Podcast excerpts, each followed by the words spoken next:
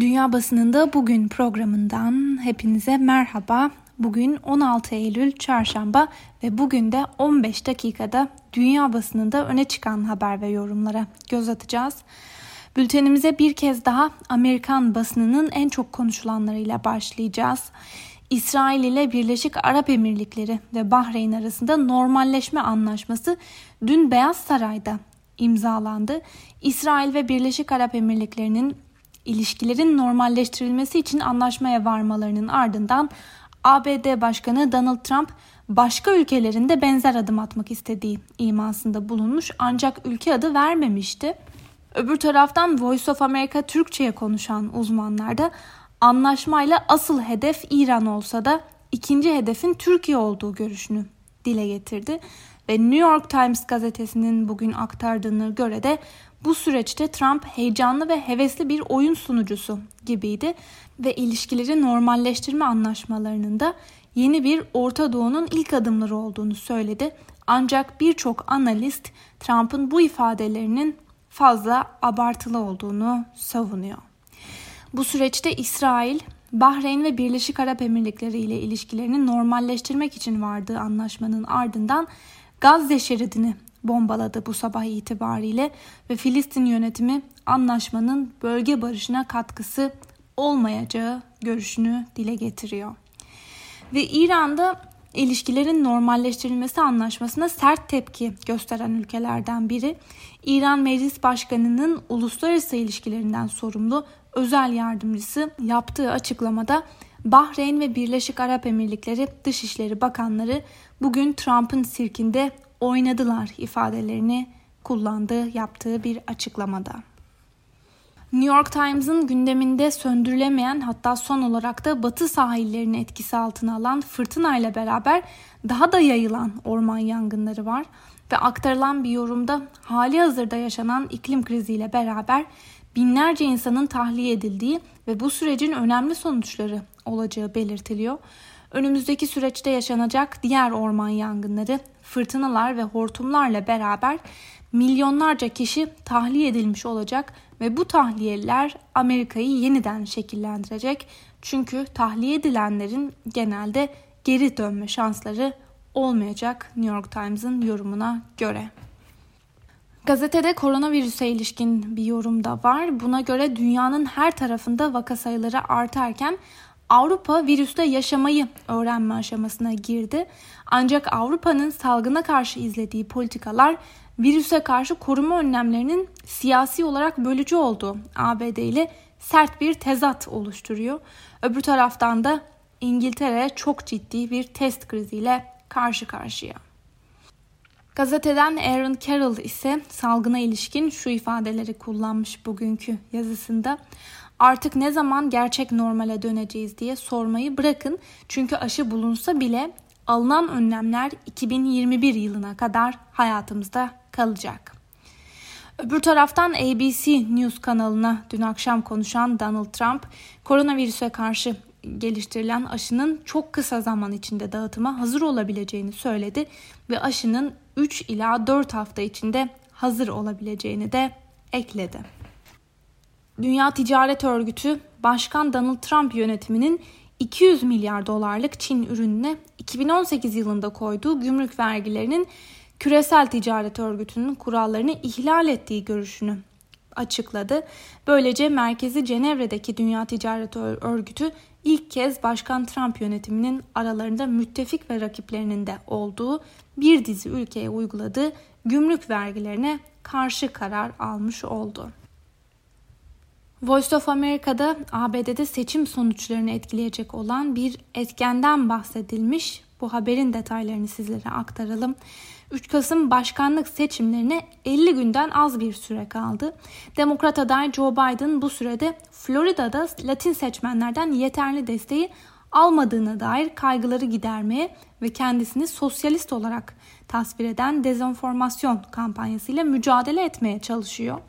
NBC News anketi Florida'da Latinler arasında Trump'a destek oranının Biden'dan %4 oranında daha fazla olduğunu ortaya koydu.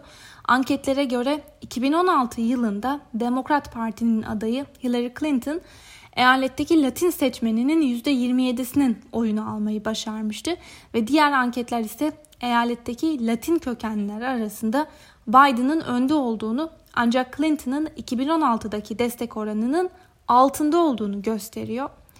Öbür taraftan Donald Trump 2016 seçimlerinde Florida'da yarışı Clinton'dan yalnızca %1.2 puan önde tamamlamış ve bu da başkanlık koltuğuna oturmasına yardım etmişti.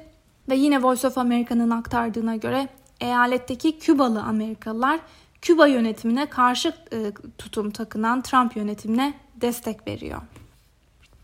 Amerikan basınında öne çıkan bu haber ve yorumların ardından İngiltere'de neler konuşuluyor, neler tartışılıyor bir de ona göz atalım. İngiltere'de şu an yaşanan test krizi bugün İngiltere'de yayınlanan neredeyse her gazetenin ilk sayfasında karşımıza çıkıyor. Birkaç gündür bültenlerimizde aktarıyoruz. İngiltere şu anda artan test talepleriyle bir test yetersizliği ve kıtlığıyla karşı karşıya kalmış durumda.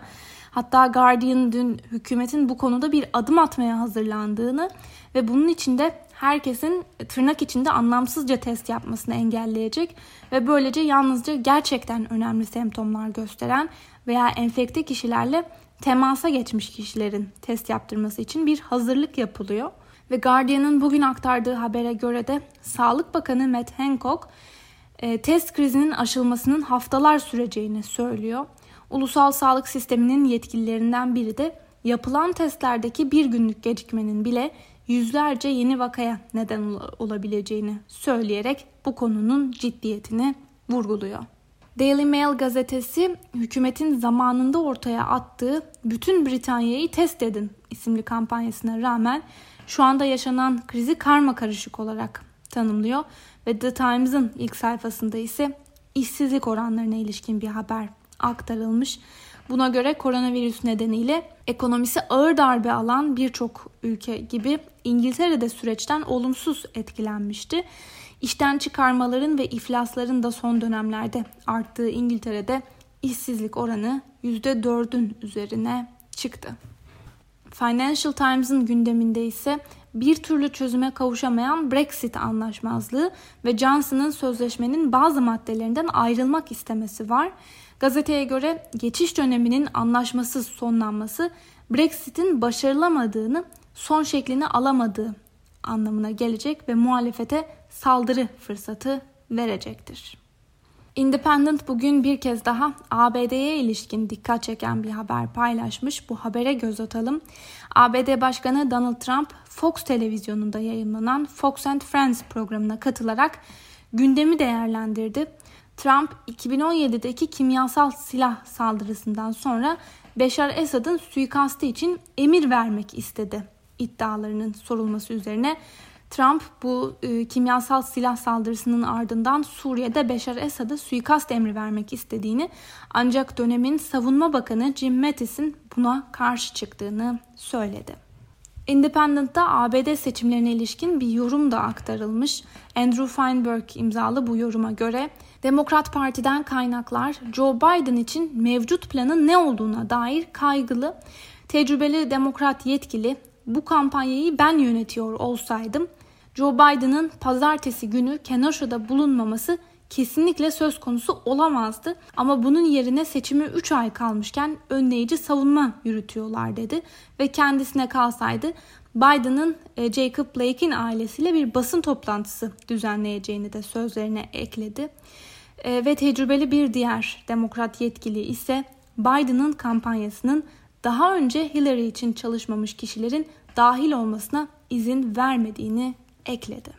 Bloomberg dün önemli bir iddiayı ortaya attı. Libya Ulusal Mutabakat Hükümeti Başbakanı Fayez Sarrac'ın istifa etmeye hazırlandığı iddia ediliyor ve bu iddia başbakana yakın kaynaklara dayandırılıyor. Başbakanlık görevini bırakacak olan Sarrac'ın Cenevre'deki görüşmeleri sürdürmeye devam edeceği de öne sürüldü. Rus basınından Moscow Times'ın gündeminde bugün bir kez daha zehirlendiği iddiasıyla Almanya'nın başkenti Berlin'deki Charité Hastanesi'nde tedavisi devam eden Rus muhalif Alexei Navalny var. Buna göre Navalny dün kendi sosyal medya hesabından çocukları ve eşiyle e, hastane odasında çektikleri bir fotoğraf paylaştı. Öte yandan Navalny'nin basın danışmanı Kira Yarmiş Twitter'dan yaptığı açıklamada Navalny'nin Rusya'ya geri dönmeyi planladığını duyurdu. Ve Moscow Times'ın aktardığı bir diğer habere göre de Rusya Uzay Ajansı Roskosmos'un başkanı Dimitri Rogozin Venüs'te yaşam olabileceği iddialarını gerçekçi bulmadığını ve Venüs'ün bir Rus gezegeni olduğunu söyledi. Yunanistan ve Türkiye arasındaki gerilime ilişkin bir gelişme daha yaşandı. Yunanistan Başbakanı Kyriakos Mitsotakis Atina'da Avrupa Birliği Konseyi ile yaptığı görüşmede Doğu Akdeniz'de gerginliğin sona ermesinden sonra Türkiye ile deniz yetki alanlarının belirlenmesi için masaya oturmaya hazır olduklarını söyledi. Mitsotakis anlaşma sağlanamaması halinde konunun Lahey Adalet Divanı'na götürülmesi önerisini de bir kez daha tekrarladı. Sıradaki haberimize geçelim. Avrupa Parlamentosu Avrupa Birliği liderlerinin Türkiye'nin Doğu Akdeniz politikalarına yaptırım getirilmesi konusunu tartışacağı 24-25 Eylül zirvesi öncesi Türkiye'ye sert yaptırımlar uygulanması, Türkiye ile üyelik müzakerelerinin kesilmesi, yardım fonlarına son verilmesi, silah satışının durdurulması ve çok sert ekonomik yaptırımlar getirilmesini talep etti. Avrupa Birliği Dış İlişkiler Yüksek Temsilcisi Joseph Borrell, Türkiye ile AB ilişkileri tarihi bir dönemece girdi. AB konseyi çok zor kararlar almak durumunda kalacak. Önümüzdeki günlerde uygulanacak politikalar çok belirleyici olacak diye konuştu. Görüşmelerde vekiller Ankara hükümetinin sadece dış politikada değil, iç politikada da demokrasi ve hukuku hiçe saydığını, avukat Ebru Timtik'in açlık grevinde öldüğünü, Osman Kavala'nın ve Kürt yöneticilerin hapislerde olduğunu, basın ve ifade özgürlüğünün de hiçe sayıldığını belirttiler. Ve bir diğer haberle devam edelim. Suudi Arabistan umre ziyaretlerini yaklaşık 6 ay önce koronavirüse karşı alınan tedbirler kapsamında durdurmuştu.